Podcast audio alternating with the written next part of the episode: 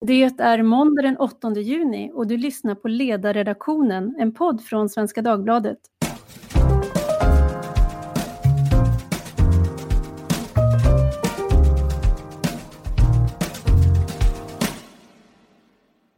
Jag heter Tove Livendal och idag talar vi om demonstrationerna som har följt efter George Floyds död i USA och som också har spridit sig hit till Sverige. Vad är kärnan? Vad vill demonstranterna? Och vilka politiska slutsatser kommer att dras? Det ska vi resonera om idag och det gör vi med Adam Schweiman, politisk redaktör på Göteborgs-Posten och Thomas Gyr, företagare och fri skribent samt kolumnist här på ledarsidan. Varmt välkomna! Tack! Tack så mycket! Det har ju blivit en enorm reaktion i USA och man drar nu paralleller till 60-talet. Det är murar till polishus som har forcerats, polishus och andra byggnader som har satts i brand. Det har förekommit eh, ganska stora inslag av plundring av butiker. Det är ju då i och för sig, ska man påminna sig om, en minoritet som gör sånt. De flesta av de tusentals demonstranter som har samlats både i USA och här har inte ägnat sig åt vandalisering. Men magnituden på demonstrationerna är ju enorma. Adam, vad är din tanke om det som sker just nu? I USA så händer ju det här med, jag ska inte säga med jämna mellanrum, men med ojämna mellanrum så blossar den här typen av demonstrationer upp. Och det är lite som ett oläkt sår i hela här, USAs samhälle. Det vill säga att man har en, en, stor minoritet som både är fattig, har sämre hälsotal och eh, följaktligen också kommer så att säga, i kontakt med polisen på ett negativt sätt. Och poli inom polisen så finns det på vissa håll också en, en kultur verkar det helt uppenbarligen som, där man inte drar sig för, för ett kraftigt våld. Så att eh, vad demonstranterna vill, det är ju rätt många olika saker givetvis. Det är ju en, eh, liksom bara en, en folkrörelse med, utan något central punkt.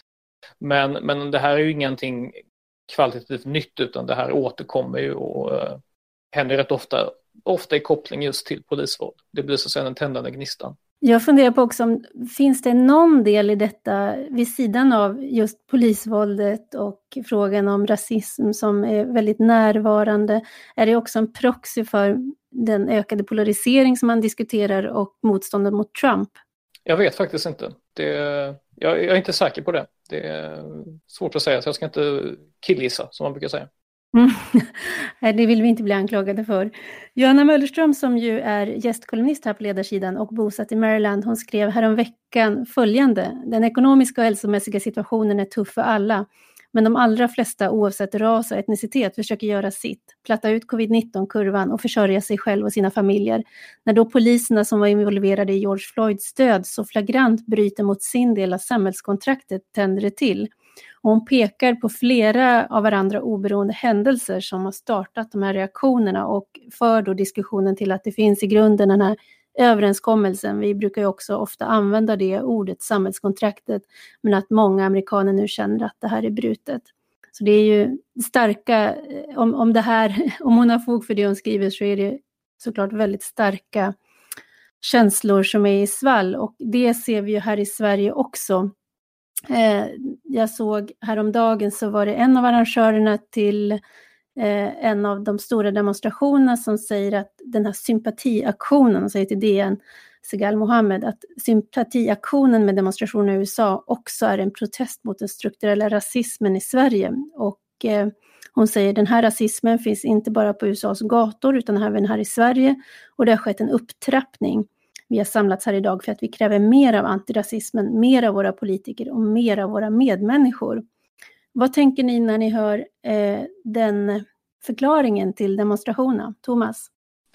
Jag tänker så här att eh, om svarta liv har betydelse i bemärkelsen Black Lives Matter så borde vi ha sett den typen av demonstrationer i samband med att det kom fram i covid-19 eller coronasmittans inledning att en mycket stor proportion av dem som i Sverige hade dött i Stockholm, förlåt, i Stockholm hade dött, var av somalisk ursprung.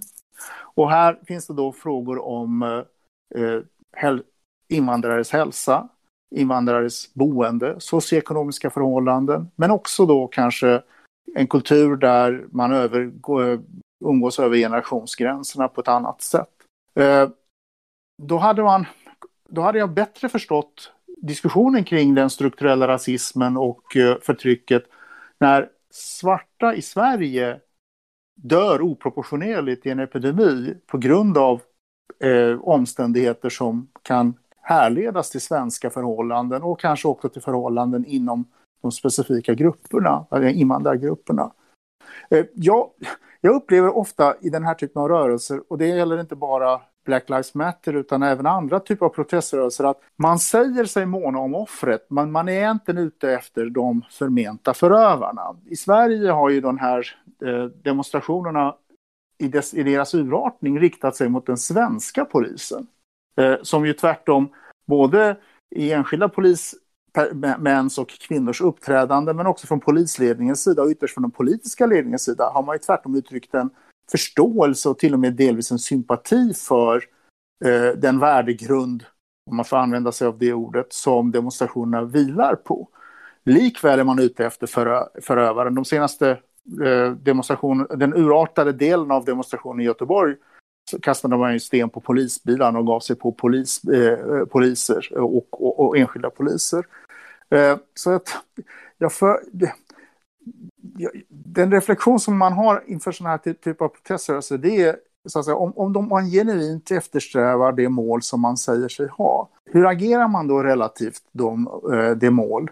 Och jag ser liksom ett, ett agerande som är, som, som, som är rimlig relativt då, den, den, det mål som man officiellt eller i retoriken hävdar att man har. Adam, vad säger du om det? Håller du med om det Thomas säger? Ja, jag ska också vilja lägga till att det finns lite en, en tendens att man här man tar ett amerikanskt raster över det här och inte bara analysen av hur samhället ser ut, hur polisen agerar, hur eh, maktförhållanden mellan grupper ser ut, utan man använder rakt av språkbruket.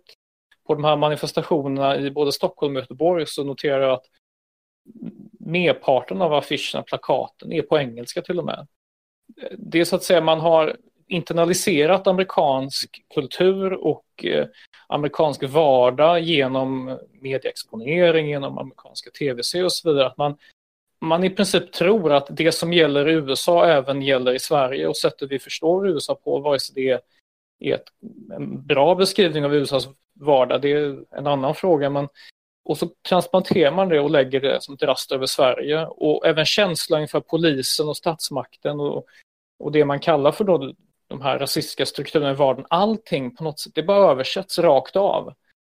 Och eh, jag tror det finns ett problem att göra på det viset, för jag tror inte man får en sanningsenlig bild av villkoren i Sverige. Ehm, och visst är det så att det finns skillnader mellan minoriteter i Sverige och majoritetsbefolkningen och det finns mycket segregation och så vidare.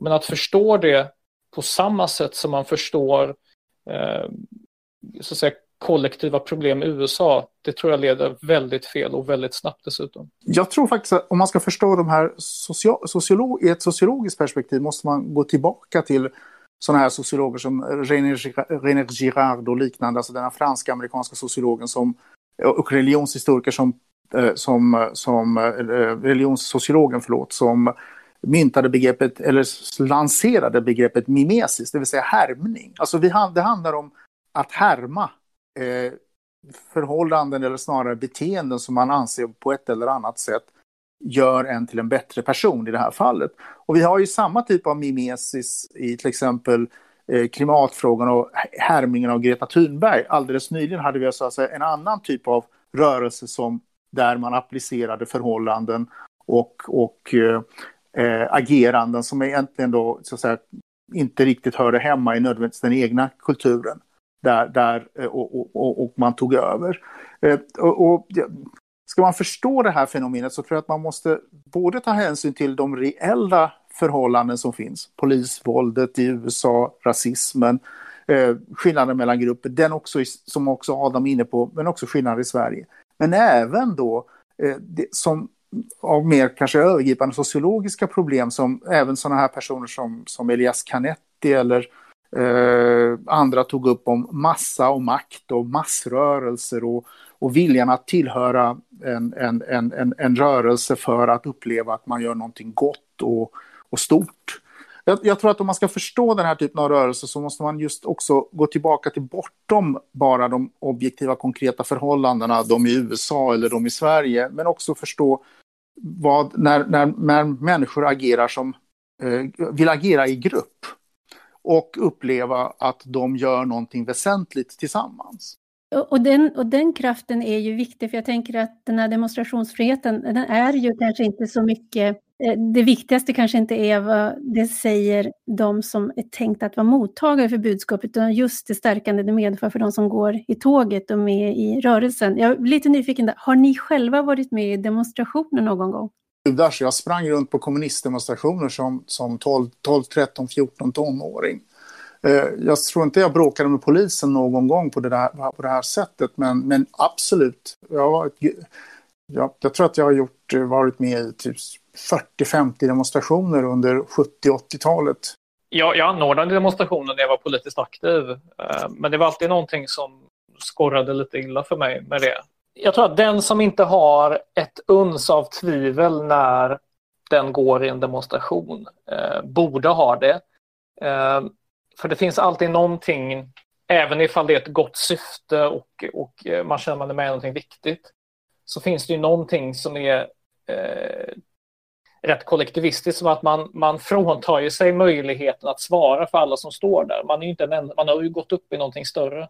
Det kanske är ett annat ämne egentligen, huruvida demonstrationer är deras natur, men det finns ju både någonting väldigt fint med det och också något väldigt problematiskt med det. Eh, jag tror att det, det, finns också en kultur av att man, man nästan anklagar personer, speciellt inom borgerligheten, som inte är så intresserade av demonstrationer. Och att det på något sätt skulle vara ett tecken på att de inte bryr sig och de inte är engagerade och är inte tillräckligt mycket antirasist och så. Eh, och det är ett krav som bara en person som eh, okritiskt förhåller sig till demonstrationerna kan ställa, tror jag. Jag tror det ligger väldigt mycket i det. Alltså jag sprang ju väldigt mycket på demonstrationer från mellan det att jag var 13 till 17 år när jag var med i extremvänstern.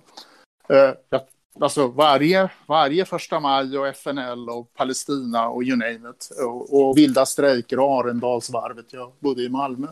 Men alltså, Adam har en väldigt bra poäng i det. Att för att förstå demonstrationer så jag tror att man måste gå tillbaka till sådana här som, som jag nämnde, tror jag, Elias Canetti eller William Reich eller den amerikanska filosofen eh, Erik Hoffer som skrev en bok som heter The True Believer, Thoughts on the Nature of Mass Movements. Alltså detta med att uppgå i en massa eller i en grupp som då har rätt. Och det är ju hela, jag tror att man skulle, jag skulle kunna spegelvända Adams resonemang och säga att villkoret för att vara med i en demonstration och gå med i en demonstration är ju då trosvissheten om att vi alla har samma gemensamma mål. Och att, att jag är här med mina bröder och systrar för en rättvis sak. Eller mina kamrater, som kanske det korrekta ordet skulle vara. Och, och jag tror att eh, den är väldigt... Eh, alltså att det är en mycket djup och stark känsla i att vara gruppvarelse som människa. Och jag tror att det krävs också ganska mycket... Eh, det krävs en del tanke och fundering över sin egen individualitet och sina egna tvivel för att kunna, att, och att kunna ställa sig utanför och våga ställa sig utanför. Jag tycker att det är, jag tillhör de här som, jag har också varit med i några demonstrationer men känt mig lite, ja, jag vet inte, just det där att man, man har en del reservationer, just därför att det, nyanserna försvinner ju. Om man nu tar den här frågan, jag såg en av de här eh, arrangörerna då som jag nämnde tidigare, Segal Mohammed säger att under maj har vi sett hur vita svenskar njutit av ledigheten som arbetar hemifrån inneburit och vistats i parker i stora grupper utan att polisen ingripit. Ja, jag har sett olika svenskar med olika hudfärg som har umgåtts i stora grupper och jag har inte reflekterat så mycket över just vilken hudfärg de har men eh, hon kommer in här och lägger liksom en form av, av ja, rasbeskrivning av beteenden och för mig så blir ju det det blir ingenting som jag skulle någonsin, det skulle hålla mig ifrån att gå med i en demonstration. Nori Kino skrev ju på vår ledarsida ganska tidigt och talade om det här med att myndigheterna hade varit för dåliga med att nå människor på olika språk. Och jag tänker att på samma sätt som kulturella skillnader och språkförbistringar påverkar alla andra delar av samhället så borde det också ha sin vissa påverkan på en pandemi och utvecklingen och hejdandet av det. Men det kräver ju då att man kan kanske diskutera det utan att direkt liksom gå in i vem har gjort fel, vem är offer och vem är förövare, utan mer resonera om varför det har blivit så. Och den sortens nyanser, den kan ju aldrig följa med in i en demonstration. Men även det resonemanget som du återgav nu visar ju det jag sa inledningsvis om att det är egentligen inte offren utan förövarna som man har, har i huvudet. Det vill säga, då säger man ju inte så här att eh, eh, om, om nu den här bilden skulle vara korrekt, då säger jag då att även då mörkhyade svenskar borde ha rätt att arbeta hemifrån. Utan man säger polisen upplöste inte de vitas sammankomster. Alltså, det vill säga, men de vill upplösa demonstrationen, eller, vilket ju de för övrigt inte har gjort, eller gjorde. Eh, det finns en, den här typen av rörelser, återigen, eh, eh, massrörelser av det här slaget och ideologiska positioner, är ofta, det handlar om att man ska skydda svaga, men egentligen är man inte så mycket ute efter att skydda svaga som att slå mot förövarna eller förtryckarna eller de som man anser vara skurkarna. Det är det huvudsakliga motivet. Det är ju därför som man inte ser demonstranterna ta hand om eh, och vara i förorten och, och, och bistå och ta hand om eh, svarta svenskar som kan ha, do, vara dåligt eh, informerade om, om, om coronan eller är smittade eller, eller råkar illa ut på grund av dålig sjukvård. Men hellre attackera vita, eh, svenska poliser som man uppfattar så, tillhör den, eh, så att säga, den vita makten. Jag tror det finns här en, eh, finns en poäng i det Thomas säger, att just fokus för de här demonstranterna är intressant. För jag tror det säger en del om en, en möjligen implicit ideologisk hemvist. Det fanns ju ett, ett litet ett talesätt att antisemitismen var dårarnas socialism. Och de här rasidéerna är lite grann eh, liksom teknikålderns eh, dumma socialism. Det vill säga att man har ett väldigt stort fokus på, eh, på inte det som finns under konflikten eller det som kanske är den materiella basen för konflikten, de olika kulturella, språkliga problemen som skulle kunna orsaka det vi ser. Utan vi bestäm, de här grupperna bestämmer sig för att se bara det här motsatsparet förtryckare och förtryckt. Och sen så har man den förklaringen, sen så lägger man den som ett, ett filter över allting och då kan man nästan kommentera precis vad som helst. Det blir ett självspelande piano. Um, för att vit, vit och svart här blir på något sätt den här, det blir kartan som man använder på i stort sett allting.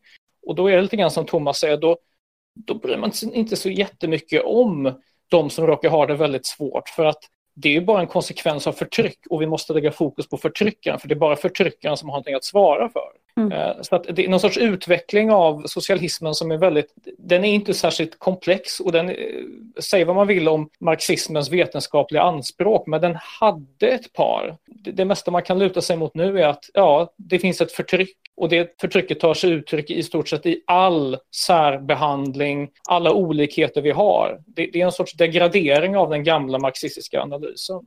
Det är i alla fall glädjande tycker jag att det tycks finnas personer i de här demonstrationerna som klarar av att hålla flera tankar i huvudet samtidigt. Idag hyllas ju med rätta Murphy Alex, den här personliga tränaren som var en av de tusentals deltagarna i demonstrationen för svartas rättigheter, men som eh, tog strid emot ett antal ungdomar som tog med en del av ett restaurangbord och försökte krossa ett skyltfönster. Jag, hoppa, jag tror ni har sett den här filmen.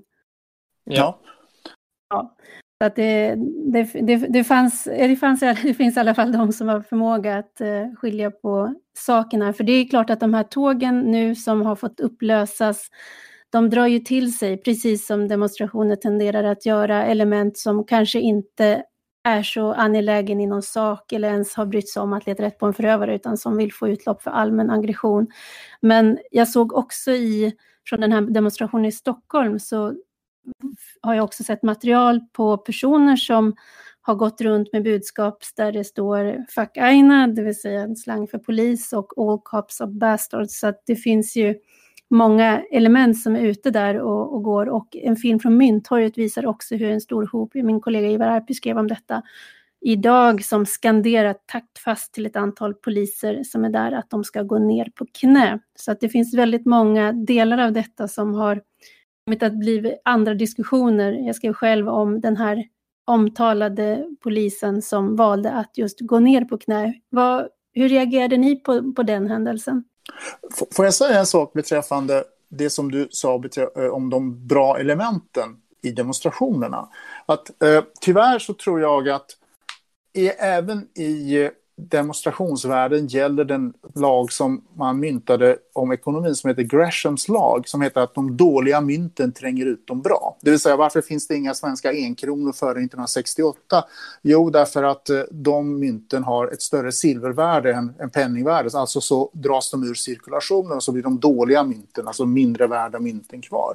Alltså, det vill säga att de dåliga elementen tränger ut de bra. Eh, och de dåliga elementen eh, präglar också bilden av hela manifestationen.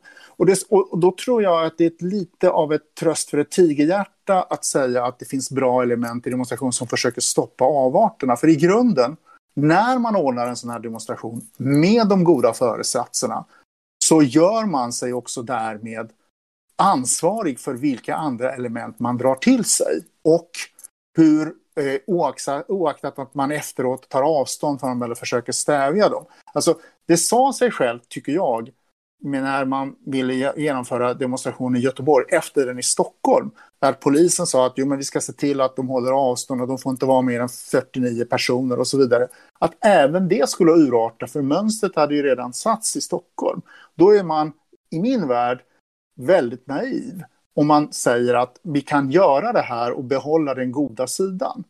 Eh, så i det perspektivet tycker jag att, att, att de här eh, avarterna som du nämnde och, eh, och skanderingarna och liknande, de är egentligen också de, de är en del av de eh, grundläggande elementa, eller elementen i en sån här sammankomst och demonstration. Du får både och. Du kommer aldrig att få den här rena demonstrationen som, där du inte drar till dig det här. Och det måste man tror jag tänka på som, som både demonstrationsarrangör eh, eh, men också som deltagare. Det, vi hade nämligen en fråga uppe på ledarredaktionens möte i morse, nämligen om polisen skulle ha givit tillstånd i Göteborg givet det som hände i Stockholm. Vad tänker ni om det? Ja, varför? Alltså, det är väl någonstans, jag tror att det, även om eh, man kan ifrågasätta huruvida det är så klokt att överhuvudtaget tillåta demonstrationer under en tid när det pågår en pandemi och när vi har väldigt höga dödstal i Sverige. Det här kommer inte hjälpa det, men givet att, att yttrandefriheten är väldigt eh, grundlagsfast och, och, ska inte inskränkas om det inte är absolut nödvändigt. Så jag tycker ändå man borde tillåtit det. Sen kan man ifrågasätta det kloka i det. Men till frågan om polisen som ju ändå gjorde en sorts politisk handling, vilket ju faktiskt var, så finns det ju en tendens i Sverige att polisen upplever sig, tror jag, mer och mer, och det här har kanske delvis att göra med sociala medier och att man avkräver väldigt mycket att, att alla ska ingå i en sorts allmän gemensam värdegrund. De upplever sig vara mer en del av offentligheten snarare än att vara den här offentlighetens försvarare jag tycker vi kan se det inte bara i knäböjande poliser som vi såg i Stockholm utan även liksom twittrande poliser, poliser som glider in till att bli lite mer opinionsbildare och, och tror de kan dela den rollen med att vara offentlighetens väktare, vilket de ju är. Jag tror inte den utvecklingen är bra alls, för det är en väldigt svår roll att, att, eh, att, så att säga, hålla tudelad det är väldigt viktigt att ha en rågång där. Och nu kanske man tycker det är fint och symboliskt att ja, det var för den goda sakens skull och så. Det spelar faktiskt ingen roll. Men vi ser ju den typen av glidningar även hos eh, andra myndighetsföreträdare, generaldirektörer till exempel. Alltså Folkhälsomyndighetens senaste eh, svar då på Jimmy Åkessons kritik om att den är patetisk. Där förväntar man sig snarare kanske att en generaldirektör säger att det är inte min sak att recensera politiker, det är det ska väljarna göra. Alltså, eh, det, det, det finns en, eh, eh, det finns ju en tendens i att de som då ska vara väktare av denna offentlighet och där ordningsmakten är kanske en av de mest centrala delarna, men även då myndigheter som också ska sörja att denna offentlighet finns och, och, och, och existerar för de, de, som är offentliga aktörer. Typ sådana som vi till exempel och väljare och medborgare. Att även de tar på sig rollen att vara just offentliga opinionsbildare. Och tror att, jag tror att det är en väldigt, väldigt, väldigt pregnant observation av Adam det här, att, att just att den, här, att den här sammanblandningen och att statsmakten inte heller säger till. Alltså, det vill säga, där, där ska ju faktiskt regering och politiker kunna säga till, alltså, till sina myndighetspersoner att det är faktiskt inte er sak att agera på det här sättet. Eh, ni, får, ni, ni, har, ni har era medborgerliga rättigheter, men, men som, som ämbetsmän eller, eller då som offentliga eh, myndighetspersoner har ni en skyldighet att uppträda på ett annat sätt. Mm. Men det är väl kanske del också av en större bild där vi har en del myndigheter som också ägnar sig och budget åt opinionsbildande verksamhet. Eh, jag är själv, ska jag säga, kluven, eller inte kluven. Jag, tyck, jag tycker att det som har fört, tillfört att vi har haft en del myndighetspersoner, bland annat från polisen i sociala medier, är ju att så länge de har hållit sig från att uttrycka eh, massa åsikter och opinioner, utan mer beskriva vardagen, så har jag tyckt att det har tillfört någonting. Sen är, är det väl så, så som sociala medier fungerar, att man kanske blir så hög på uppskattningen att man kliver över den där gränsen som inte ska gås över. Fast det, jag skulle säga så här, också vardagen är intressant. Alltså, det, det, finns ju poliser i yttre tjänst som aldrig har behövt använda eh, en batong. Inte därför att de inte har velat, utan de har, de har aldrig varit i den situationen. Det är också en polisiär vardag, men i sociala medier så är det alltid polisingripanden som då återges givetvis som en del av, också som en del av polisens vardag. Alltså jag, jag, jag skulle säga så här Tove, att jag, jag är till och med skeptisk till din ganska, eh, vad ska man kalla för, snälla recension av att, att det fanns kanske ett fog att återge. Därför att det är också så att det här kontinuerliga återgeendet av eh, ett antal eh, händelser som är eh, atypiska eller dysfunktionella ger, är ju också en form av opinionsbildning. Eh, det får man inte glömma. Mm. Ja, jag, jag är öppen för goda argument.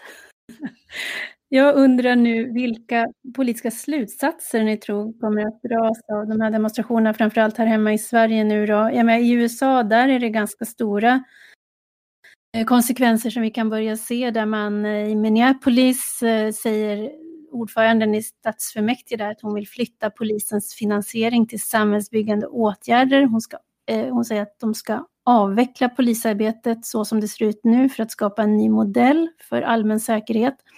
Och i New York så har även borgmästaren Bill de Blasio sagt att han kommer att sänka stadens polisbudget till förmån för ungdomsverksamhet och socialtjänst. Och det är ju rätt stora konsekvenser får man säga. Här hemma i Sverige har demonstrationer också lett till politiska yttringar. När det uppstår något sånt här så blir det ju alltid en form av politisk valuta som en del blir intresserade av. Adam, du har ju skrivit om detta apropå eh, jämställdhetsminister Åsa Lindhagen. Kan du berätta? Ja, alltså hennes slutsats är ju egentligen bara symbolik. Alltså folk ska ta mer ansvar och det ska visas mer solidaritet och så vidare. Och jag tycker det är en förlorad chans på sätt och vis. För att om man nu nöjer sig med att säga okej, okay, USA har problem eh, av en karaktär som, är, som har med rasism att göra, det har med ojämlikhet att göra, segregation och så vidare. Hur skulle du kunna ta tillfället att det uppmärksammas och försöka förstå vårt eget samhälle? Men om man både gör en dålig analys av vad som händer i USA och en dålig överföring till våra svenska villkor och sen dessutom inte vill dra några längre slutsatser än att folk måste stå upp mot rasismen. Och det är ett bevis för att det inte kommer ske så mycket av det, i alla fall på så, så pass hög politisk nivå, för det är ändå ett statsråd som säger det här och det betyder ju noll och intet det hon säger. Eh, men det finns ju väldigt mycket att ta tag i i Sverige för att inte ha bygga in i vårt samhälle den typen av problem som USA har, det vill säga en permanent etnisk underklass där på något sätt underordningen i samhället traderas från generation till generation.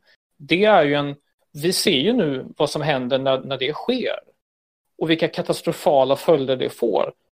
Och om vårt statsråd, ansvarig för jämställdhetsfrågor, tror att stå upp mot rasismen, att vita inser sina privilegier, att det skulle vara lösningen på allvarliga problem som visserligen inte är likadana mellan Sverige och USA, men ändå finns i Sverige.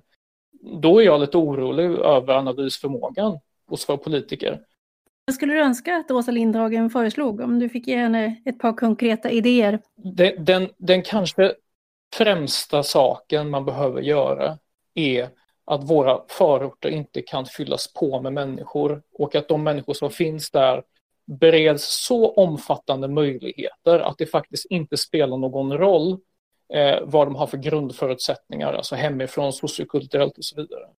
Och det kräver en typ av, av social utjämning som detta land eh, är stolt över att vi har gjort i tidigare generationer när arbetarklassen lyfte sig, men som vi inte är förmögna att göra idag. Och det har att göra både med att vi inte inser vidden av problemet, men också att vi hela tiden bakvägen förvärrar problemet. Det vill säga vi gör variabeln antalet människor som behöver eh, hjälp att assimileras in i samhället och inte bli en permanent underklass. Att den variabeln hela tiden ökar samtidigt som vi inte har kapacitet att hjälpa dem. Alltså det är så uppenbart att här är roten till problemet som sen givetvis späs på av rasism och diskriminering i vissa fall. Men huvudsaken är ju fortfarande hur får man människor att själva förmås lyfta sig i samhället. Och det är det andra minoriteter i USA som har varit underordnade generationer har lyckats undkomma just genom att bli i större utsträckning en del av samhället.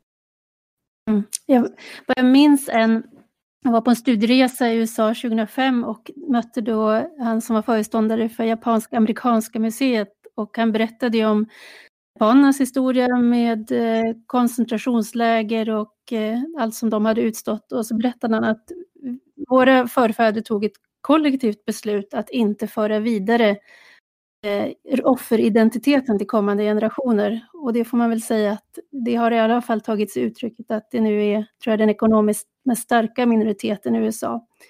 Där har ju den svarta befolkningen haft en annan attityd kan man säga till historien och vad man har fått eh, vara med om och hur man sen har låtit det prägla också framåt. Thomas, eh, om man tittar på de, vad man kan befara och vad man kan önska av de politiska slutsatserna av de demonstrationer som sker i Sverige just nu, vad skulle du säga då? Jag tycker jag håller med Adam om det här att eh, med, med den analysen som, jag, som då till exempel Åsa Lindhagen gjorde och som, som han har skrivit om i dagens tidning, i Göteborgs-Posten, eh, så, så, så, så finns ju risken att man förvärrar problemet. Jag tror dessutom att eh, det tyvärr kan bli värre än så, därför att utan att, om, om, de, om den politiska ledningen, landets politiska ledning inte kan prestera en korrekt analys av vad som behövs, och jag håller med Adam om det som han har sagt beträffande förorterna och det stora lyftet som arbetarrörelsen lyckades med och att vi står inför utmaningar som är större faktiskt än den magnituden, eh, så finns det risken att man tvärtom gör en ytterligare felaktig analys. Att den här polariseringen, den här demonstrationen och våldet mot polisen i en demonstration mot polisvåldet väcker helt andra stämningar i väljarkåren och att det kan bli helt andra politiska krafter och helt andra politiska förtecken som, eh, eller eh, krafter med helt andra politiska förtecken som får initiativet att behöva reda ut det här. Att det kan tvärtom leda till ökade etniska motsättningar och ökade politiska motsättningar i, i, i Sverige därför att eh, det finns den politiska makten och den politiska företrädaren inte förmår utvärdera det som sker på ett korrekt sätt. Eh, vi kommer ju få krav till exempel på att polisen ska ha en annan utrustning, att den ska ingripa på ett annat sätt, att den inte ska låta sig att man inte ska låta folk kasta sten på polisbilar eller sparka på poliser och polisbilar på det här sättet. Och, och det kommer då att eh, förmodligen eh, inte vara de politiska krafter som finns idag på agendan som för fram det här om de inte förmår att ta tag i och hantera detta. Och I det perspektivet är jag tyvärr orolig kan man säga, om inte pessimistisk. Därför att, därför att eh, jag tror att den här typen av demonstrationer och den här typen av upprop som vi har sett, de ökar inte förståelsen för till exempel förorternas problem. Ja, vi, vi stannar på den lite dystra punkten, men eh, vi kommer att få återkomma till frågan många gånger och eh, nu är väl förhoppningen att vi inte i närtid behöver se flera demonstrationer som behöver upplösas eh, på det sätt som har skett nu och som har lett till det våld också som vi har kunnat bevittna. Och med det säger jag tack till dagens gäster Adam Schweiman och Thomas Gyr. Tack också till er som har lyssnat. Har ni frågor eller synpunkter kan ni höra av er till ledarsidan svd.se. Stort tack för idag.